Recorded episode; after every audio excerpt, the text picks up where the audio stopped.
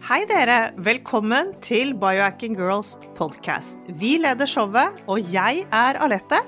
Og jeg er Monica. Vi er gode venner og kolleger, og vi legger sammen våre erfaringer og kunnskap for å inspirere deg til å bli din egen biohacker og optimalisere livet ditt. Vi følger med på ny forskning og trender, og stiller de spørsmålene vi mener er nødvendige. Ja, vi deler informasjon om biohacking, life coaching og fitness, og vi håper at du vil føle deg inspirert og klar til å ta et tak for å komme i den beste helsemessige form. Velkommen til Biohacking Girls podcast. Å gi slipp på det man har, og tillate seg å se utover det som står rett foran nesen, kanskje søke eventyr. Litt bort fra det stresset, moderne livet som vi er overlesset med. Vi har så mye inntrykk hele tiden. Kanskje vi kan søke en form for transformasjon? Intermittent living. Dette er en livsstilsstrategi som gjenskaper disse gamle jeger-samler-leveforholdene, sånn som det var før. Man ser litt sånn romantisk på det, i hvert fall gjør jeg det. Slik var det jo liksom før i gamle dager, man tenker at det var så veldig bra. Men der målet er å komme rett og slett litt nærmere oss selv, når vi ser på det ut fra våre ståsted i dag. Vi vil leve mer naturlig, der vårt immunsystem og metabolisme dette virke, virkelig er tilpasset. I et kontrollert miljø, selvfølgelig. Det er flere aspekter som må føle seg mer fri. Men fri fra hva? Fri fra forurensning, og kanskje fri fra storbystresset? Ja, leve litt som eh, våre forfedre, for å bedre både ja, fysikken vår og hvordan man tenker og opplever verden. Hvordan man har det helsemessig. Mm -hmm. Vi vil også være intermittent med periodisk faste, periodisk kuldeeksponering, kanskje periodisk varmeeksponering. Hva med naturlig hydrering? Og drikke litt sjeldnere for at kroppen selv skal kunne regulere. Det er mange ting man kan ta tak i med denne intermittent-stilen. Og dette med periodisk hypoksi, der man reduserer oksygeneksponering, slik at cellene aktiveres og trigger immunsystemet og hjernen. Ja, og dette å føle seg vel, dette kan vi faktisk måle. Og på å se på tester. Vi kan måle med biomarkører både på blodet vårt og i urinen. Så kan vi faktisk se om det vi prøver oss på, virker. Vi kan vel kanskje bare si Alette, at dette vil vi ha mer av, og at vi sniklever litt sånn, siden vi jobber så mye med circadian rhythm, med bevegelsen vår, det naturlige dagslyset, naturlig mat, naturlig livsrytme, rett og slett. Yes. Vi har jo også forelest en del om dette temaet, fordi vi stadig liker å se oss tilbake. Vi liker å lære av våre forfedre. Vi ønsker jo veldig å få denne friheten fra EMF, fra masseproduksjoner, fra overeksponeringer av inntrykk. Vi vil tilbake til naturen. Vi har så lyst til å være oss selv. Ja, og noen gjør drastiske tiltak for å leve et nomadeliv, og de er på let etter en ideell livsstil, der man føler seg motivert og fornøyd, mens andre kan leve litt sånn intermittent ved å bare reise litt lengre turer, knytte mange livsaspekt sammen for å slippe å gjøre det samme som vi gjør hele tiden, hele livet. Bare å endre litt på livssituasjonen sin. Mm. Jeg pleier å gjøre dette her faktisk årlig. Da drar vi til Hawaii over en lengre periode og bor der. Da røsker vi opp i livets rutiner. Vi organiserer vikarer, vi er mer lekne. Vi trener oppmerksomheten vår og booster nysgjerrigheten. Og møter folk der vi, og, og vi også må snakke et annet språk. Snakk om man må på en måte orientere seg litt på nytt, da. Og du, Alette, du vet jo at min far han flytta til Oslo i veldig voksen alder eh, nå i høst. Og kan tro det var nok en sånn reise for han òg. For det, han, han, skal jo lære alt sin orientering eh, på nytt. Og det får boostet eh, litt av hvert, både for han og vi i familien hans. Ja, man har skikkelig godt av dette. Og la oss sette over til dagens gjest, som lever og lærer litt som vi innleder med her. En slags moderne nomadetilværelse på intermittent vis. Ja, lege Ragnhild Skari IL. Hun er utdannet ved Universitetet i Oslo. Hun har vært gjest her før. Hun er spesialisert innenfor funksjonell medisin i USA, mindfulness, yoga og søvnmedisin. Så hun er kanskje det vi vil definere som en biohackerlege. Hun er opptatt av hormoner, stress, HRV, faste og kosthold, samt hvordan psykiske og mentale aspekter påvirker helsebildet. Til daglig jobber hun på Balderklinikken i Oslo, og nå har hun akkurat kommet hjem fra en nomadetur med intermittent living i India. Velkommen til oss, Ragnhild Skari Juel. Du er tilbake fra India, og temaet i dag er intermittent living. Og du har vel kanskje knapt fått pakket ut kofferten din, har du det? Nei, jeg har egentlig nesten akkurat bare landa, så hjemme er det fullt kaos med ymse indiske ting som jeg har vært i innkjøp av, eh, og litt av hvert. Så, så jeg kjenner at jeg er litt sånn uh, rar i Litt jetlag i hodet fortsatt. Fargerik er du i hvert fall. Du har uh, gule klær og kommer hjem med brune skinn. Og har du hatt det fint? hatt det veldig fint. Og det jeg tenker at jeg blir jo veldig inspirert eh, når jeg er sånn på reise, og jeg er jo veldig glad i farver fra før av. Men det er jo nydelig å se alle de fargene som er i India, og smaker og lukter, og ting er jo helt annerledes enn hjemme. Så det gir jo mye inspirasjon, rett og slett. Så jeg kjenner på en måte at jeg har fått fylt meg veldig opp eh, energetisk, og også litt sånn i hodet i forhold til inntrykk og ja, ting som jeg tenker at jeg har lyst til å jobbe videre med når jeg kommer hjem nå, da. Du har vært ganske lenge borte. Hva har du egentlig gjort? Ja, jeg har eh, vært borte 14 dager. Og siden jeg jobber eh, som mindfulness-instruktør både på Lovisenberg på sykehuset og på Balleklinikken, så er det sånn at jeg må ha en uke i året for å på en måte walk my talk, opprettholde meditasjon og yogapraksisen min. Og det er jo veldig heldig for meg, for det betyr at jeg en uke i året må prioritere et eller annet sted hvor jeg jobber med å utvikle meg selv og opprettholde min egen meditasjon og yogapraksis. Og i år så ble det India. Så jeg har vært en uke på en ganske sånn heftig treningstur, på en måte. Både meditasjon flere ganger om dagen, og også forskjellige varianter av yoga. Som igjen på en måte innbyr til mye refleksjoner, jobbe innover, altså se seg selv. Så på en måte er det en ferie, men det er jo også en en ganske sånn heftig uke på, på, mange måter. Så det var den siste uka. Mens den første uka, det var ehm, eh, tilegna opplevelser. Så da har jeg vært og sett utrolig spennende bygninger, annet Taj Mahal, som jeg i mange, mange år har hatt en stor drøm å få lov til å komme til. Så det kjenner jeg jo på veldig takknemlighet for at jeg kunne få til også den første delen av ferie som en mer sånn eh, opplevelsesdel, da. Men du sier at du gjør dette her eh, en gang i året. Reise på en sånn indre reise, vil jo jeg nesten kalle det. Er det første gangen din til India, og hvordan vil du si at det er annerledes enn andre steder du kanskje har vært? Det er faktisk tredje gangen til India, men det er jo veldig annerledes eh, å komme til en helt annen kultur.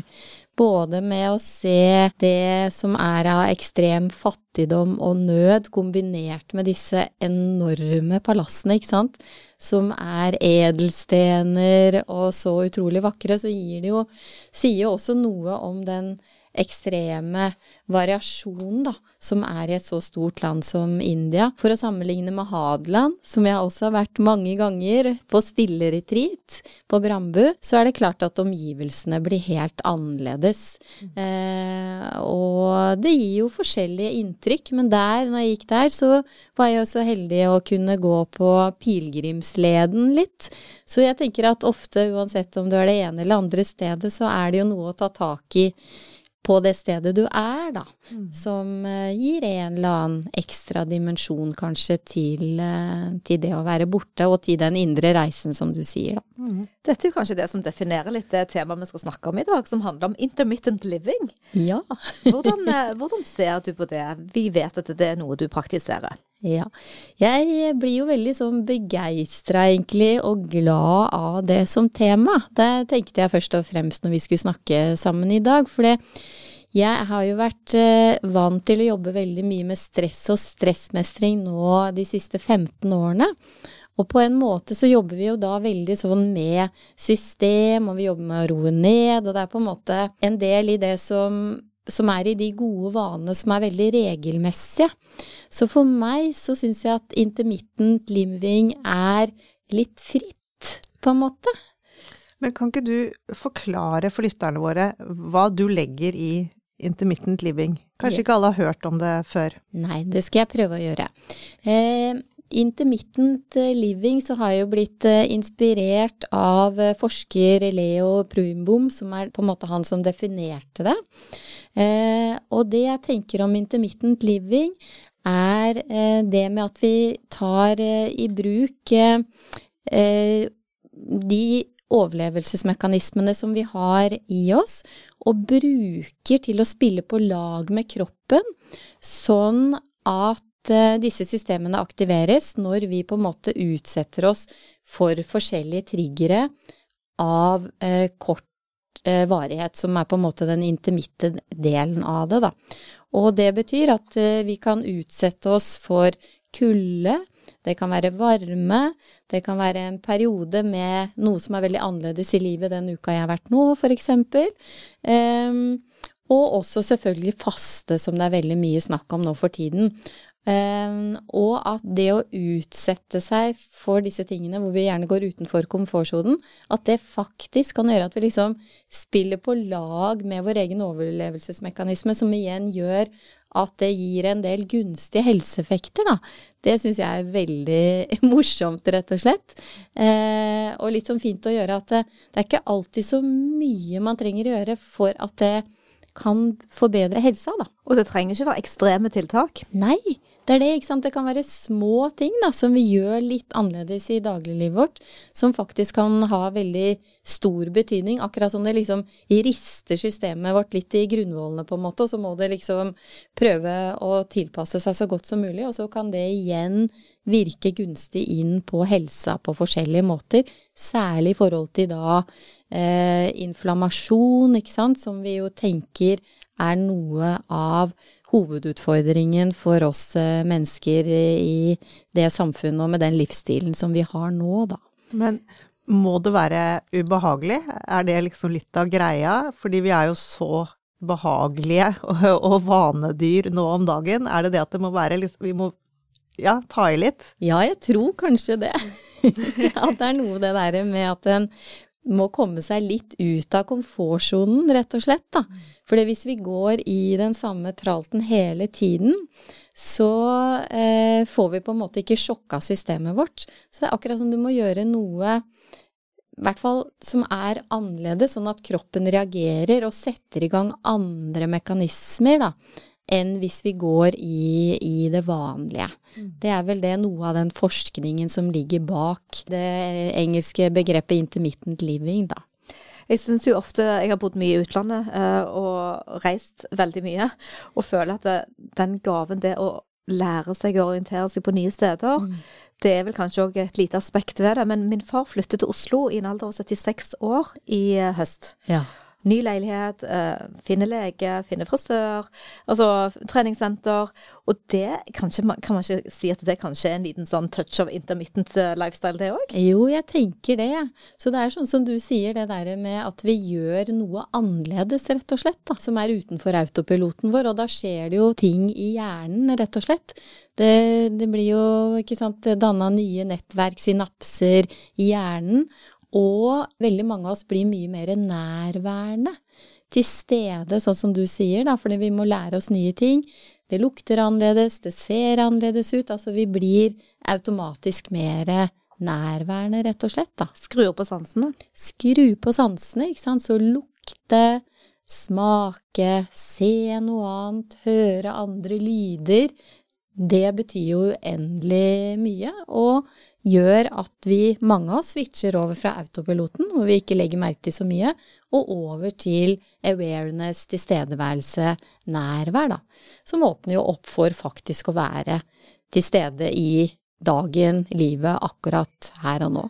Men kan det bli for mye, sånn som med f.eks. intermittent fasting, som veldig mange driver med nå? Mister effekten hvis man gjør det hver eneste dag. Og som isbading, så blir man jo vant til det, og så thriver man på det, og så kanskje det mister effekten. Er det sånn? At det må være nytt hele tiden? At man blir resistent? Ja, at man rett og slett blir Ja. litt resistent. ja. Vet du? Jeg vet ikke helt sikkert, men hvis vi på en måte bare tenker litt sånn logisk rundt det vi snakker om nå, da, så er det jo at eh, hvis vi gjør veldig mye av det samme veldig ofte, så kan det nok være at noe av effekten går litt over. Da, akkurat som kroppen på en måte tilpasser seg det litt, da. Så jeg tror at noe av det som ligger med i det begrepet, er at en ikke skal gjøre det altfor ofte eller altfor lenge. Høres helt logisk Ja. ut for min del. Ja. Homeostasis Ja. igjen. Ja, at det er noe med den balansen. Så, og det er jo det som er ofte vanskelig for oss, at hvis vi blir veldig ivrige, da, det kan i hvert fall jeg merke på meg, det blir veldig ivrig med noe, så får jeg lyst til å gjøre det masse, masse, masse. Ikke sant? Og da blir det kanskje igjen over, at det vipper over, sånn at noe av den balansen vi etterstreber med eksempel intermittent living, da, eller biohacking, ikke sant, det er at hvis vi gjør ting for mye, så mister det kanskje noe av effekten. Men hvis man tenker på hjernen da, og stresset og, og dette med vaner, for vi er jo veldig vanedyr, som du også har lett det, at vi repeterer ofte det som er behagelig og trygt for oss. Og det å leve intermittent, det vil jo trigge denne vanen og sette oss utenfor oss selv, og det kan òg påvirke oss stressmessig. Hva tenker du om det? Er det positivt stress? Ja, jeg tenker at eh, det er veldig viktig spørsmål du stiller, fordi det er så lett å tenke at stress bare er negativt, ikke sant? Eller handler om overbelastning, da. Mens eh, det er jo noe med at eh, sånn som nervesystemet vårt er utvikla, så er jo det lagd for å hjelpe oss. Så, så det er jo noe med at hvis vi blir gående i en sånn kronisk stressrespons over lang tid, er det ikke gunstig. Men hvis vi av og til på en måte sjokker systemet vårt eh, litt, da, så viser det seg at eh, det er akkurat som vi da blir vaksinert, eller vi trener oss på noe, og så vil vi etter hvert bli mer motstandsdyktige. Sånn at hvis du eksempel da bader da, eh, i kaldt vann, isbading, så viser jo forskning at det kan være gunstig å gjøre at vi blir mindre syke. Så det er et eller annet med, med det å bevege seg utenfor komfortsonen ofte, i større eller mindre grad. Kan tenke når faren din flytta hit, så er det vel også noe med det som er ubehag eh, i forhold til at det er nytt også. Så, men det har vært morsomt også, jeg har lest en del om Walt Disney og hvordan han jobba når han holdt på med å lage disse filmene. Så var det blant annet det der med at eh, noe av det han sa er at magien skjer utenfor komfortsonen. Så det er jo litt interessant med å tørre å utforske noe annet enn behag, da. Og jeg er skikkelig pysete. Jeg har eh, Jeg er, jeg er eh, litt sånn redd for vann. Men jeg har vært og seilt over Atlanteren da jeg var 18 allikevel. Eh, men eh, jeg er litt sånn redd for å få hodet under vann og sånn, og det jeg merker da, når jeg har utforska nå siste året det med isbading, så hylte og skreik jeg noe fryktelig når jeg gjorde det første gangen, men så etter hvert så har jeg jobba liksom ned med å, å puste og sånne ting, og roe ned, og da merker jeg at jeg blir utrolig fornøyd etterpå. Når jeg får det til, når jeg har gått utenfor komfortsonen min, gjort ting som jeg syns er vanskelig og utfordrende, og så bare yes, liksom, så er det veldig gøy når du bare gjør det, da. Men hvordan jobber du for å komme dit? Klarer du å forklare det til en som også er veldig glad i komfortsonen sin? Hva, hva Ja. sier du til deg selv når du da gjør det? Ja. um, det, det som jeg uh, sier til meg selv, er vel litt at, uh, at jeg skal utforske, da. Hvordan jeg forholder meg til å gå utenfor eh, komfortsonen.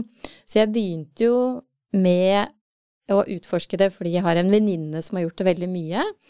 Og så tenkte jeg oi, nei, det der er ikke noe for meg, det tror jeg ikke. Men så ble det på en måte litt sånn spennende, og det har jo vært eh, skrevet mye om det.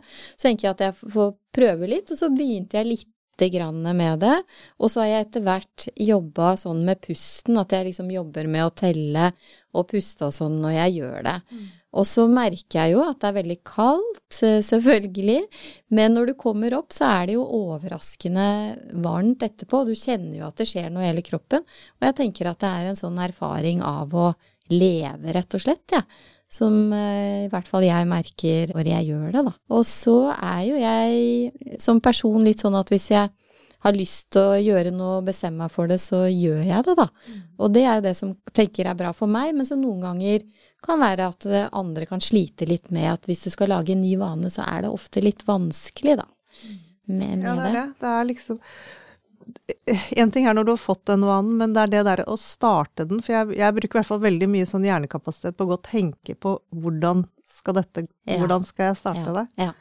Men jeg er veldig avhengig av noen som drar meg. Ja. Jeg har blant annet en kollega som er veldig god på det. og da, det er veldig bra å ha en som pepper på siden, syns jeg. Det er lettere å finne ja.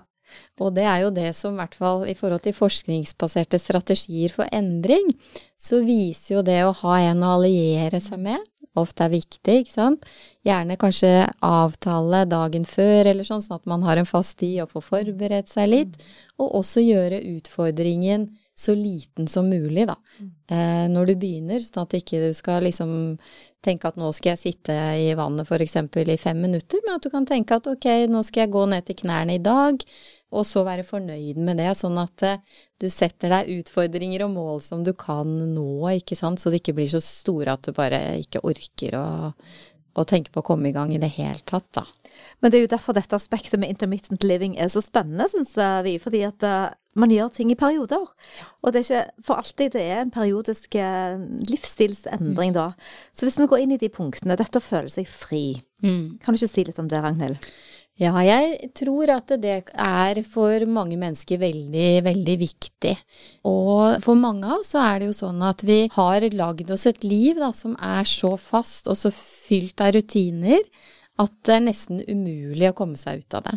Så det er én ting, akkurat det der med, med frihet, som jeg kan kjenne på også. Og, og det er sånn du sier at du må ikke ha en fast rutine at jeg gjør akkurat det og det, men du kan i perioder prioritere forskjellige ting. Og det gir jo en frihetsfølelse. Jeg tenker det er det samme med faste òg, da.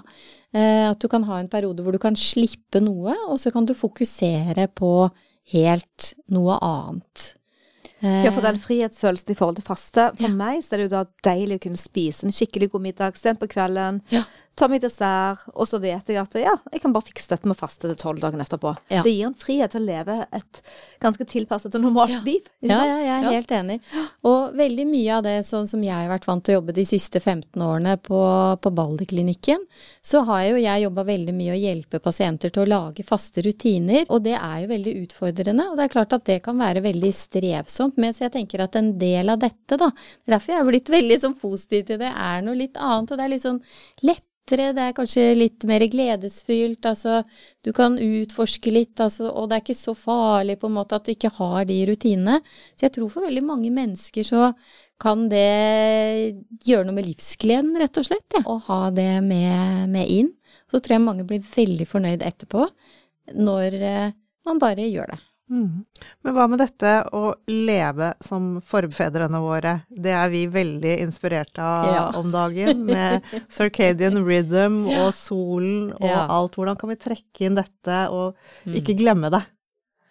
Det er spennende, for når jeg var i India nå, så fulgte jo vi veldig eh, rytmen til eh, sol og mørke. Og da la vi oss eh, ja, sånn ni-halv ti, og sto opp igjen halv sju-sju. Når sola sto opp. Og det er jo interessant, for jeg gjør jo ikke det hjemme. Så hvorfor gjorde jeg det der?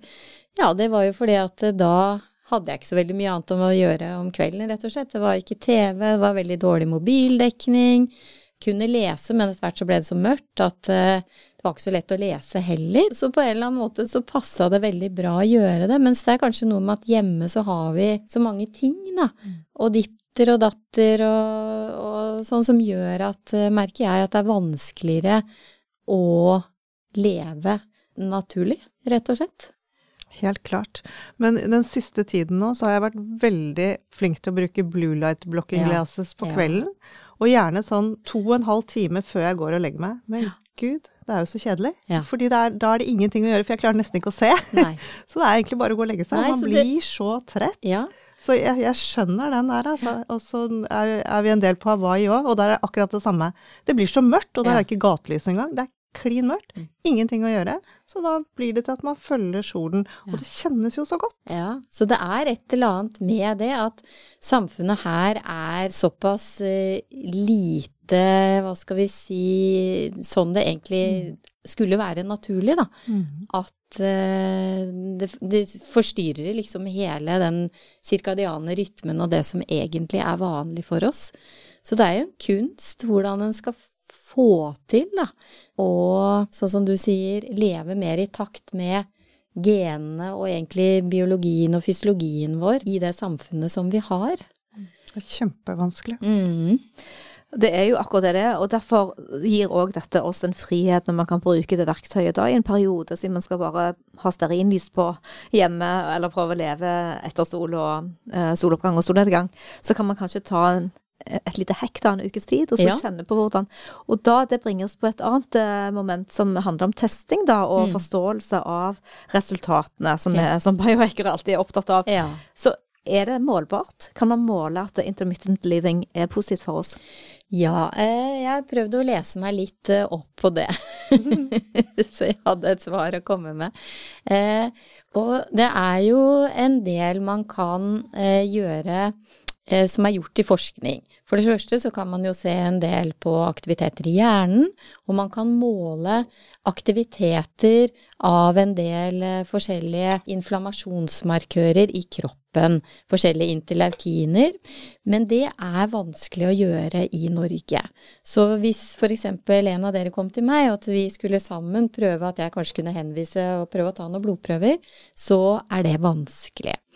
Men det som er litt interessant, da jeg kjøpte meg også en sånn eh, Garmin-klokke her eh, før jul, eh, så jeg tenker at det er jo noen måleinstrumenter som vi har. Dere har jo Oura-ring og sånn også. Det har ikke jeg enda, det har jeg lyst til å også utforske litt mer. Og så er det jo blodsukkermålinger, som dere kan mer om enn meg, tror jeg, som vi kan bruke for å se litt på hvordan forskjellige aktiviteter påvirker oss. Så vi har noen muligheter, og jeg tenker jo at eh, jo mer vi selv via måleinstrumentene, men også som jeg har jobba med i veldig mange år, lærer oss å kjenne etter hvordan vi har det, og også tolke våre egne signaler, eh, så vil jo det kunne være gode hjelpere da, på veien til å se hvordan det påvirker oss. For det er jo ikke sikkert at kalde bad eller eh, varm eh, badstue eller det til sammen er like gunstig for alle. For sånn er vi jo ikke, for vi er jo forskjellige. Så det er jo noe med å utforske seg selv litt, grensene sine, og kanskje kunne ha noe hjelp av noen målinger som kan være klokker eller bånd eller sånn, eller eksempel blodsukkermålinger. Og så kan vi jo også måle noe som heter mikro-CRP, som jeg kan eh, måle i blodprøver, som også sier noe om inflammasjon. Men det er ikke en så tydelig markør da, som varierer så mye, så det kan være vanskelig å vurdere ut ifra den hva som eventuelt virker eller ikke. Ja, for det har vært en del studier rundt grounding, da, earthing, mm. når man er mer i kontakt med bare føtter Ja. på enten stranden eller gresset. Mm. hvor eh, inflammasjoner har blitt dempet, da. Ja. Så det er jo klart målbart. Og HRV er jo et supert verktøy. Det må vi bare si. at Å å se på den Garmin-klokken og måle HRV-en vår. Og kanskje du skal bli med oss, for Arlette og meg, vi har et lite vårhekk. Vi skal ut i eh, den store, farlige marken og sove i telt eh, til våren. Ja, det Det er jo nesten ikke intermittent living for deg, for du elsker det jo, Monica. Ja, jeg elsker det jo, men, men allikevel å ligge litt ukomfortabelt eh, Ja. på litt tynnere madrasser, det er jo ikke sånn jeg gjør det ofte, fordi at man Nei. får litt vondt i ryggen når man sover i telt. Ja, nei, det kunne jeg gjerne tenke meg. Ikke sant? Så det er jo noe med det å utforske litt, sånn som du sier. Og jeg syns jo det er kjempespennende nå, jeg som har jobba så mye med stress og stressmestring og nervesystem de siste 15 årene, da, så har det jo vært veldig spennende nå at man kanskje kan måle enda mer, da, effekten av det som mange av pasientene på kursene forteller, ikke sant. Så hvis vi i tillegg til det kunne hatt eh, HRV-målinger, og jeg eh, var nesten i gang med en doktorgrad for ca. ti år siden, hvor vi skulle prøve med, når vi gjorde kurs, å ha litt forskjellige andre markører, f.eks. HRV, men da var ikke det så utvikla, eh, som det er nå, da, teknologien. Så da måtte man gå inn og bruke mer andre avanserte målemetoder som var vanskeligere å få til. Mens nå åpner det seg jo opp flere muligheter i forhold til å sikkert, ikke sant, kunne måle f.eks. HRV da, for og etter et åtte ukers eh, mindfulness-basert kurs, kunne jo vært veldig spennende. Ja, det er jo kjempebra, og det er jo faktisk litt motiverende. Det er jo som alle ting man har lyst til å optimalisere på i livet sitt når man ser resultater ja. på innsatsen. Så ja. blir man mer motivert til å gjøre mer av det. Ja. Helt klart. Og jeg syns jo også at det er veldig spennende, fordi som lege ikke sant, så har jeg jobba i mange år mye med sykdom. Så de fleste som kommer til meg er jo syke, men med denne måten å leve på, utforske intermittent living, jobbe med biohacking, vil jo kunne gjøre at vi vil kunne klare oss eh, å holde oss mer og mer friske. Sånn at vi kunne jobbe med forebygging, ikke sant, i stedet for at vi bruker så utrolig mange penger i helsevesenet på sykdom og lidelse for hver enkelt det gjelder, selvfølgelig. Ja, vi kan nesten kanskje begynne å skrive ut dette som en ny vaksine mot de skadene som blir skapt ja. i det moderne samfunnet. Ja. At vi ser litt bakover og prøver å heller forebygge. Ja, En naturlig vaksine. Mm. Ja, rett og slett, ikke sant. Mm. Og den har jo ikke bivirkninger på noen måte. Hver enkelt må finne litt sin vaksine, vi må finne hvor mye vi skal sette, eller hvor mye vi skal gjøre, hvordan vi skal jobbe med det, hvor ofte vi har lyst til å utforske. Så det, det er på en måte så åpent og fritt da, tenker jeg mye rundt dette, som jeg tror kan passe for veldig mange. Og jeg synes det er ganske morsomt. Jeg fikk i går en mail fra en av pasientene mine som er sykemeldt. Nydelig, veldig ressurssterk dame som har strukket seg veldig langt, da. Og så skrev hun nå har jeg begynt med kalddusj eh, på morgenen. Jeg har begynt med 30 minutters eh, meditasjon, og har også tenkt å utforske litt varianter av faste. Og det var hun veldig glad for, uten at det trenger å være så strikt eller strengt, men at hun hadde nå tenkt seg litt om og sett litt på hva som hun hadde lyst til å, å, utforske litt. Så det blir spennende nå å se litt når det er gått en måned. Sånn at du som lege, du ser faktisk at pasientene dine er villige til å gjøre dette her. Det er bare at de mangler kunnskap, er det sånn? For man tenker jo alltid ja. at folk er late, men jeg tror ikke det. Jeg tror bare at det er kunnskap om, det går på. Og motivasjon. Ja, motivasjon. Og en lege som ser en lege, en lege som ser dem, selvfølgelig. Men ser du at dine pasienter vil? Absolutt. Og det jeg tenker som jeg syns er mest fascinerende, det er jo det at hvis jeg på en måte da kan være flink til å formidle kunnskap, så er det akkurat som da får jo også pasientene flere mulige valg. Og så kan vi sammen se litt ok, sånn er livet ditt, ja men det er vanskelig nå å gjøre det, men kanskje dette kan du gjøre. Så kan vi til sammen på en måte få en sånn en litt, Lage litt plan, da, ikke sant, hvor det blir motivert, vi snakker sammen litt med jevne mellomrom, og så utforske på en måte, og se hvordan det blir, da. Og hvis man da i tillegg også kan få markører som ser at dette ja. virker, så må det ja. jo være veldig motiverende. Ja, ikke sant, det er det. I tillegg hvis vi da har, sånn som vi har gjort nå, mye eh, siste månedene, i tillegg kan utforske med klokka, og pasienten kan se det, vi kan snakke om det, så får du jo en, liksom en mer sånn som du sier, en tydelig markør på om dette går i riktig retning eller ikke, da. Du, hvordan var den HRV-en din i India? Den var veldig bra. Det jeg var litt overraska over, det var når jeg kom ned, så selv om jeg da ikke så første døgnet, så hadde jeg veldig bra HRV. Den hadde gått opp litt, og da tenker jeg kanskje det var fordi at jeg var inspirert, jeg så nye ting.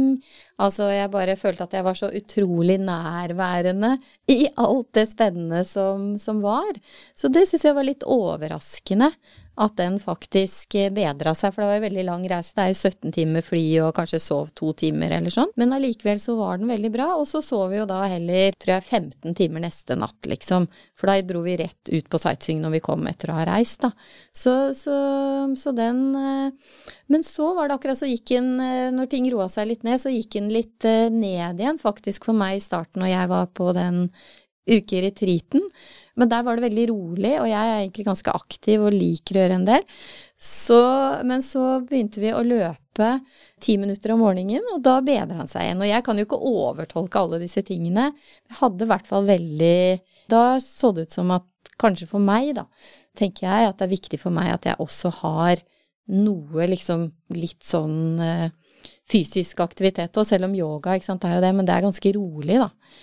Så man skal ikke overtolke heller, men eh, jeg følger med og prøver å se liksom i hvert fall litt eh, på det. Så Jeg ser at min HV har vært ganske så lav den siste tiden. Og det er fordi at vi har så høye strømregninger, og det går faktisk på jobben min. Og det er et helt sånn rent stresselement. Mange lærere som underviser på Core Balance. Ja.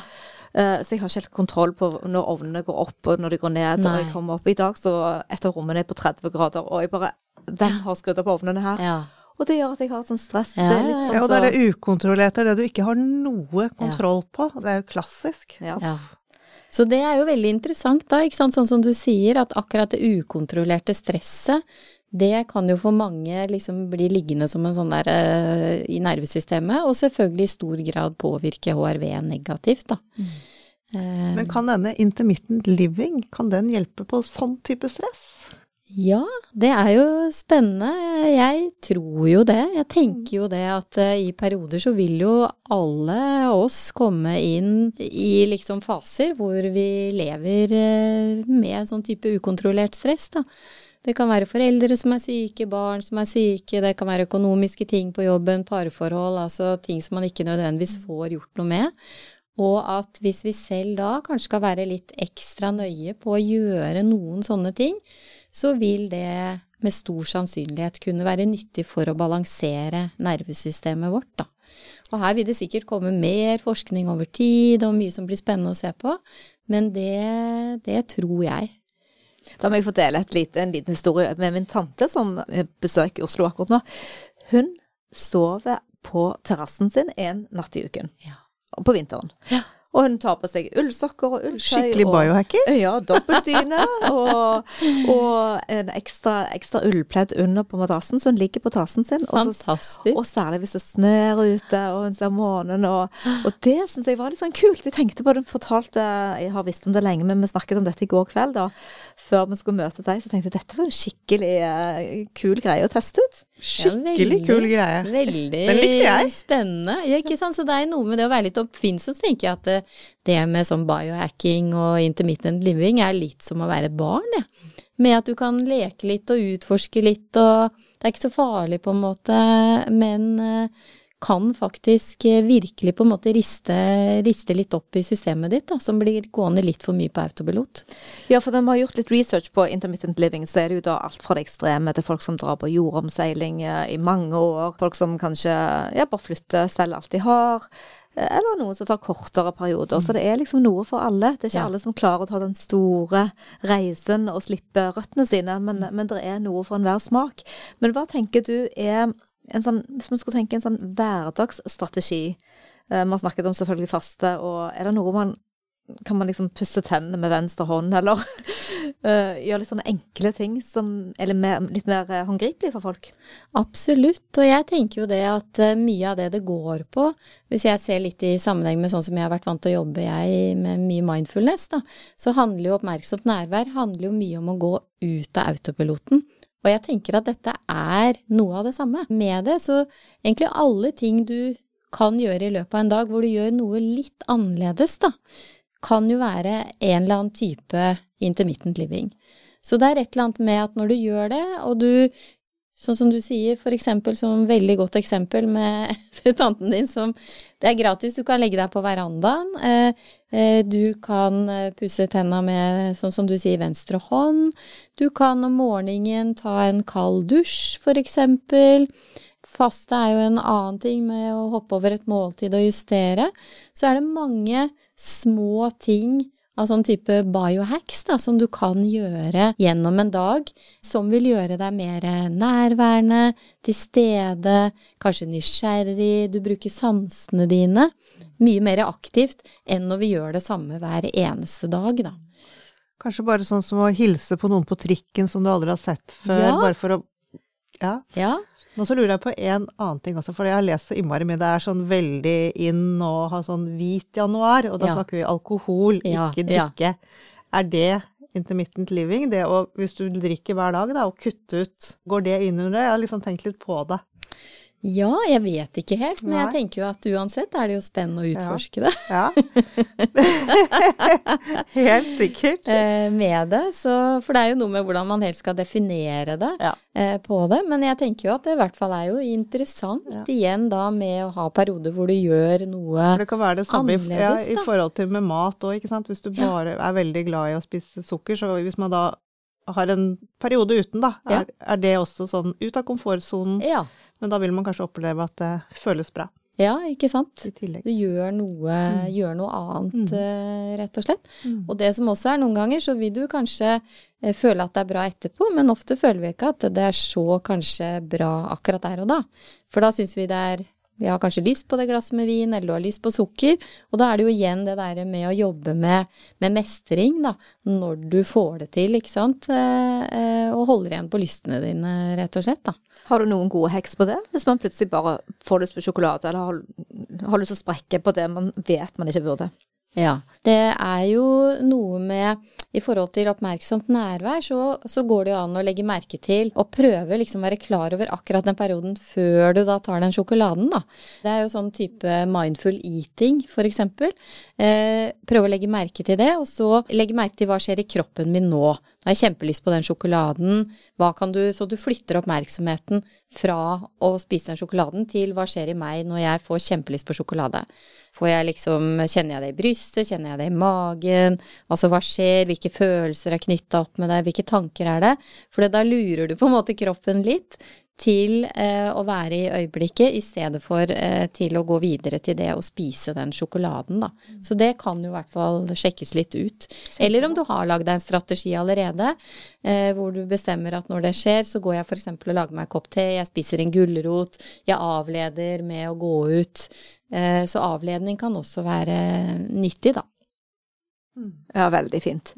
Men du Ragnhild, kunne ikke vi snakke litt om din rolle som lege? Fordi det, vi, vi sa innledningsvis òg at du er jo en eh, biohacker-lege i vår verden.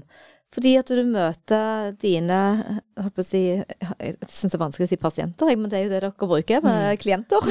ja. Mm. Eh, med personlighet, det er ikke bare medisiner. Og da må jeg bare si at medisiner er superviktig eh, i perioder. Vi trenger medisiner. Vi trenger både for hormonbalanse og for sykdommer. Så å bruke de riktig er veldig viktig. Men så er det det andre aspektet, da. Mm. Hvordan ser en time hos deg ut, og hvor mange minutter bruker du på en eh, klient? Ja, på Balderklinikken så um, alle mine nye pasienter bruker jeg 90 minutter på. Og det høres kanskje veldig lenge ut, Ja. men jeg kan love deg at den tiden den trenger vi for å bli kjent. Og jeg er jo veldig opptatt av kommunikasjon, og jeg tenker at uh, det at eh, klientene eller pasientene får god tid til å fortelle om livet sitt, hvem de er, historien sin. Vi bruker ofte ganske god tid på livslinje eh, med hva som har skjedd nå. Tenker at det er utrolig viktig for hvor de er i dag, da. Ikke sant? Med historien, hva er det i, i livet ditt som har gjort at du har det sånn som du har det i dag. Så det bruker vi mye tid eh, på, og veldig mange som kommer til meg har veldig sammensatte plager ofte, og føler kanskje at eh, fastlegen ikke har hatt tid til det, ikke sant, og at de har prøvd veldig mye forskjellig, men ikke klart å komme seg videre, og de er veldig sånn støkk mange, så vet ikke litt sånn som du sa i stad. De vet ikke helt hva skal jeg gjøre, liksom. Og jeg tenker at veldig sjelden er det sånn at det er ikke noe vi kan gjøre. Og jeg tenker at det er utrolig viktig da å også få, etter den første innledende samtalen, at jeg prøver å få tak i hva er det de egentlig har lyst til at jeg skal hjelpe med. Eh, og at vi da tar en del prøver og utredninger. For jeg tenker at basis, liksom, vitaminer, mineraler, hormoner er kjempeviktige. Så det er jo den medisinskfaglige delen av det, at vi gjør veldig grundig utredning. Ofte kan jeg sitte og se gjennom tidligere prøver, ting som er tatt før. Det kan være at det er noe som er glippet. Noen har kanskje cøliaki som ikke er oppdaga, noen har lavt stoffskifte. Altså det er ting, da. Har veldig alvorlig D-vitamin, B12, jernmangel. Og så må vi på en måte jobber vi ofte med det først, for å bygge det på plass som en sånn type plattform. Og så kan man jo begynne å utforske da maten, føre kostdagbok, føre søvndagbok, føre stressdagbok, kanskje migrenedagbok, sånn at vi kartlegger ganske mye. Og så går vi inn etter hvert og begynner å jobbe med de områdene hvor vi sammen ser at det er størst potensial. Men vi er ikke alltid vi jobber der, for noen ganger så har de ikke overskudd eh, og orker å gå inn i det området. Så må vi begynne å jobbe med litt andre ting som ikke er så store, for å bygge opp energien og gjøre at det forhåpentligvis trekker i riktig retning. Og så kan vi ta tak i større områder etter hvert, hvis det blir sånn at det er for lite energi til å jobbe med kanskje noe av det som viser seg å være aller viktigst, da. For eksempel arbeidsmiljø på jobben eller sånne ting. Ja. Så det medisinsk faglige er en bit, og så ja. er det den funksjonelle biten som du snakker ja. om nå. Ja. Og, og håper jeg, hva er, hva er rollen til, det er jo ikke mange leger som tenker sånn. Hva er rollen? Er begge deler like viktig og forsvarlig? Ja, ja jeg tenker jo det er kjempeviktig. Ja. Og jeg tenker at mye av det som vi var litt tilbake, snakka litt om i stad også, det er jo å formidle kunnskap, rett og slett. Og jeg syns jo det er utrolig morsomt og spennende, da, å lære nye ting. Og alt det jeg har lært siste året nå, tenker jeg er så masse spennende som har skjedd. Med både den boka til Marit Kolby, boka til Inge Linseth på jobben min, boka til Torkel som jeg kjenner godt. Altså, det skjer så mye hele tiden. Sånn at hvis jeg som lege kan være inspirert, holde meg oppdatert faglig, så tenker jeg at det igjen betyr uendelig mye for pasientene som kommer til meg, da. At jeg har en oppdatert informasjon som jeg prøver å dele, og så at vi til sammen finner ut på individuell basis hva som passer for hver enkelt. Eh, at vi på en måte går inn og hacker systemet, rett og slett. Eh, og jeg skal ikke ha samme hacken som en annen eller en tredje, liksom. Så det er noe med å hacke inn til hver enkelt på den måten som, som, går an. Og jeg opplever at mange pasienter de blir så glad og fornøyd at noen har tid til å høre på dem, og blir veldig glad og inspirert selv da, til å gjøre forandringer med eh, livet sitt på mange forskjellige områder, som gjør at mange kan få det bedre. Mm. Ja, for jeg tror jo absolutt på det der med at de føler seg sett. Ja. For det er jo det du ikke gjør når du går til fastlegen din, og han har akkurat litt under ti minutter, for han skal skrive litt på maskinen også. Og han har absolutt ikke tid til å holde seg oppdatert på forskning.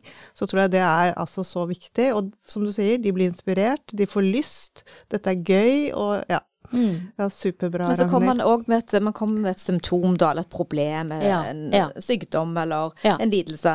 Så, så, blir man kvitt dette, holdt jeg på å si. Hva ser du, og hva hjelper? Ja, ikke alltid.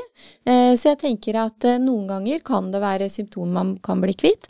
Andre ganger så kan det være at ved å på en måte liksom legge grunnmuren litt bedre, så er det akkurat som det kan gjøre at man klarer å håndtere og mestre ting litt annerledes.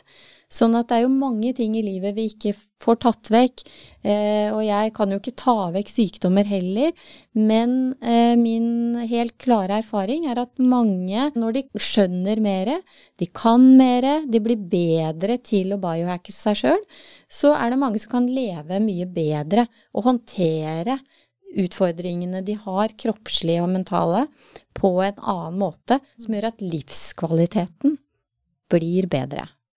Men det er jo litt provoserende, for det er mange leger i dag som sier at uh, en som kommer med en øyesykdom eller uh, magesmerter uh, Vi får jo veldig mye henvendelser. Og nei, legen min sa at det har ingenting med mat å gjøre. Det er bare mm. tull. Mm. De tror ikke på kald dusj. Nei, dette bare. Altså, dette er det ikke forskning på. Ja.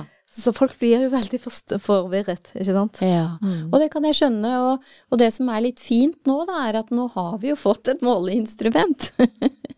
Via klokkene og det. Ja, ja, nemlig. Som er ganske spennende. Og derfor så tenker jeg at vi som fagpersoner, da, hvis vi er litt gode nå, som jeg i hvert fall for min del er veldig spennende, og jeg setter meg inn i det og jobber stadig med det, så ser jeg at jeg, og veldig mange pasienter har klokker, så kan vi bruke det da, som et utgangspunkt også for å se at faktisk så spiller jo mat. Mat er medisin. Søvn er vel ingen uenig i at det ikke har noe å si. Og så er det dette med cold exposures, eh, hot exposure, altså hvordan dette spiller inn. Det kan man bruke klokka en del eh, til å utforske sammen med en eller annen fagperson, da. Og snart kan du sende en pasient uh, ut i skogen på en liten intermittent uh, living-helg. Ja. Og komme tilbake, så kan du faktisk måle dette. Dette ja. gjorde deg godt. Du fikk mindre stress. Du fikk dempet symptomene dine. Ja. Ikke sant. Knall! det høres veldig bra ut. Tenker du at du har lyst til å gjøre en eh, litt mer ekstrem variant av intermittent living? Reise et år, eller gjøre noe helt crazy? Um, nei, ikke nå egentlig. Um, jeg tenker at jeg skal Jeg har veldig lyst til å utforske litt mer med å ta faste imiterende diett. For jeg har også noen helseutfordringer som jeg har tenkt å, å kunne utforske litt mer med det, og se om det kunne hjelpe. Men uh, jeg tenker også litt sånn som uh, Sokrates uh, kunnskap eh, om seg selv er veldig viktig, og jeg tenker at eh, for meg som for alle andre, så er det noe med at jo mer jeg lærer om meg og vet om meg, og jeg kan se hva som funker eller ikke, så vil det kanskje gjøre at jeg kommer litt her og litt der og utforsker litt forskjellige ting. Så mm, jeg har ikke noe sånn store ønsker nå om noe sånn veldig ekstrem ting, da. det har jeg ikke. Nei, så du har lyst til å gå litt inn i den intermitterende mm, faste mm. delen, da. For å se om det har helseeffekter for din mm, egen del. Og det òg syns jeg er veldig fint, at uh, man kan uh, både som biohacker og leger være åpne. For det, ingen av oss, alle tror kanskje at vi er perfekte, vi ikke feiler oss noe. Men, uh, men, jeg har hatt IBS-plager ja, ja. og, og, fått ordnet det, selvfølgelig, da. Så vi har jo alle våre ting som vi må jobbe med. Ja, ikke sant. Så det er, med, det er noe med det. Og jeg tenker at hvis man er litt utforskende selv, da, så vil jo ofte noe av de erfaringene som vi selv gjør oss, da, kunne være nyttige også. Sånn at de metodene og de tilnærmingene som jeg eh, lærer bort, har jeg prøvd selv selv. Ikke sant? At det er noe med det. Nå har ikke jeg prøvd alle medisiner for stoffskifte eller rødt blodtrykk og sånne ting, skal ikke si at jeg alltid har prøvd, men mye av de livsstilstingene, da. Når en har utforska det selv, så vet jo litt om hva som er utfordringer og bra og dårlig og vanskelig og sånn med det. Så tenker jeg at det kan være veldig, veldig nyttig å dele med det, og ha med seg det når man skal hjelpe andre til, til det samme, da. Ja, så klart. Det er jo alltid mye lettere å formidle når man har erfart selv. Og det er jo det Monica og jeg også driver med. Vi tester og formidler det vi har opplevd. Og vi sier ikke at andre opplever det samme, men vi prøver å dele det, våre erfaringer. For å si det sånn, man kan ikke undervise en megaformerklasse uten å mestre de øvelsene selv. Så den planken der må vi bare fikse. Ja. Det nytter ikke bare å stå og undervise og tro at eh, kundene våre skal liksom gjøre det samme, hvis du ikke mm. kroppslig kan det selv. Mm, nei, det er noe med det, og det tenker jeg er veldig spennende med mye av det dere gjør, da. Og jeg tenker også det med en annen ting som jeg har veldig lyst til å utforske mer, det er det med blodsukkermåling f.eks. Som jeg ikke har uh, noe peiling på, bare titta litt på. Som jeg også tror for veldig mange kan være veldig viktig, som jeg vet at dere har, uh, har utforska en, en, god del, da. Ja, det vil jeg bare anbefale deg også å mm. teste og lære om. det. Mm. det den tar du veldig fort. Mm. Men dere, eh, helt til slutt nå så må vi da få lov til å annonsere at uh, du skal forelese på Biohacking Weekend 2023. Jippi! Yeah. Dette blir stort, og vi har jo mange internasjonale gjester. Vi har jo ikke fått lansert alle navnene enda, de kommer dryppende litt her og der. Men uh, hva tenker du om det? Nei, jeg tenker at det gleder jeg meg veldig til. Og dessverre hadde jeg ikke mulighet til å være med på den forrige, for da hadde jeg allerede en avtale som jeg har lagd for lenge siden. Så jeg gleder meg veldig til det. Eh, jeg gleder meg til å få lov å formidle ting, for det syns jeg er morsomt. Og så gleder jeg meg veldig til å gå rundt, til å være med, til å lære nye ting. Fordi det er jeg veldig glad i. Jeg syns det er kjempeinspirerende å få lov til å utvikle meg og lære nye ting. Så jeg ser veldig fram til det. Ja, det er helt fantastisk. Vi er bare så utrolig glad å ha deg med på lag, for du er veldig ja, fantastisk eh, inspirerende å snakke med. Så det tror jeg mange der hjemme. Ja. Og vi har jo en tidligere episode med deg òg, Agnhild. Så, så, dere som er hjemme og hører denne episoden, har lyst til å lære litt uh, om uh, teori, om uh, hva heter det, stoffskifteplager, ja, så har vi jo en veldig fin episode for du jobber fremdeles med stoffskiftesymptomer, ikke sant? Ja, så jeg jobber fortsatt med, med mange pasienter med lavt stoffskifte som en del av det. Men det er klart, de er jo også mennesker med mange andre ting eh, enn bare stoffskifte. Men den forrige episoden snakka vi jo en god del om det, og forklarte litt om hva det er. Og også muligheter i forhold til behandling. For det er jo også en sånn type sykdom hvor mange får beskjed om at ok, blodprøvene dine er fine, alt er greit, du har det dårlig, men eh, vi kan ikke gjøre noe med det men ofte kan man faktisk gjøre noe for å hjelpe dem også. Mm. Veldig bra. Og hvis eh, lytterne våre har lyst til å ha kontakt med deg, hva gjør de? Du har jo en veldig fin Instagram-konto, det må vi si. Tusen takk. Ja, hvis lytterne har eh, lyst til å ha kontakt med meg, så jobber jo jeg på Balderklinikken. Eh, tar imot pasienter der. Jeg har Instagram-profilen min med kontakter på, så der er det også mulig både å følge meg, og, og jeg prøver så godt jeg kan å svare alle som henvender seg. eh, Ja. Og den heter Mindfulness-legen. Og den er kjempefin. Ja. Eh, Og så kjører du litt kurs òg, for du jobber jo med stressmestring. Ja. Og, ja. Ja, så jeg har jo kurs på sykehuset, og det er jo i regi av det offentlige, og da må man henvises via pasienten Nei, via ikke pasienten, men via legen sin. Ja. eh, men jeg har også noe kurs eh, hvor jeg holder på med mindfulness og pust, så hvis man følger med på Instagram-profilen min, så legger jeg kursene overst. Jeg skal, øverst. Jeg skal annet ha en, en retreat i Hemsedal nå i, i mars også, så der går det an å gå inn og lese litt om det, og er det spørsmål og sånn, så er det bare å ta kontakt. Hva, hva gjør du på en sånn retreat, da?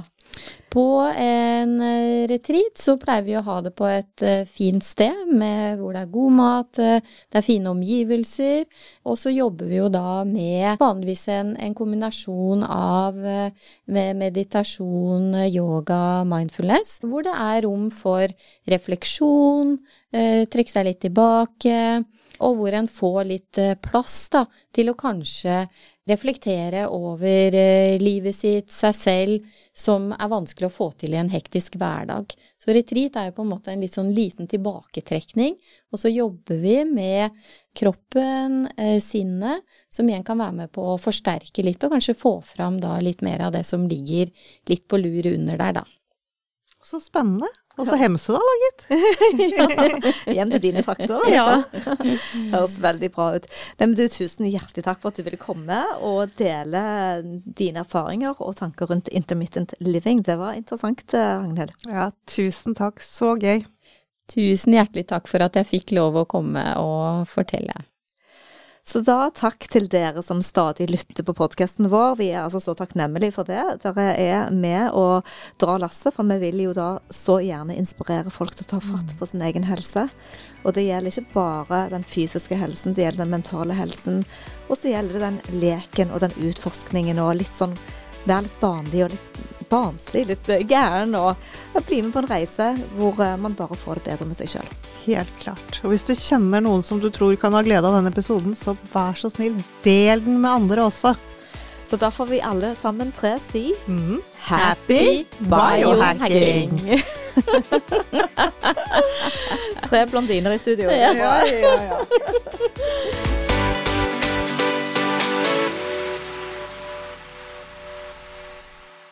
Vi minner om at dere må snakke med egen lege eller kostholdsveileder om dietter og andre spørsmål relatert til medisiner og supplementer. Informasjon vi deler kan ikke bli brukt til å diagnostisere, behandle, forebygge eller kurere noen sykdommer eller tilstander.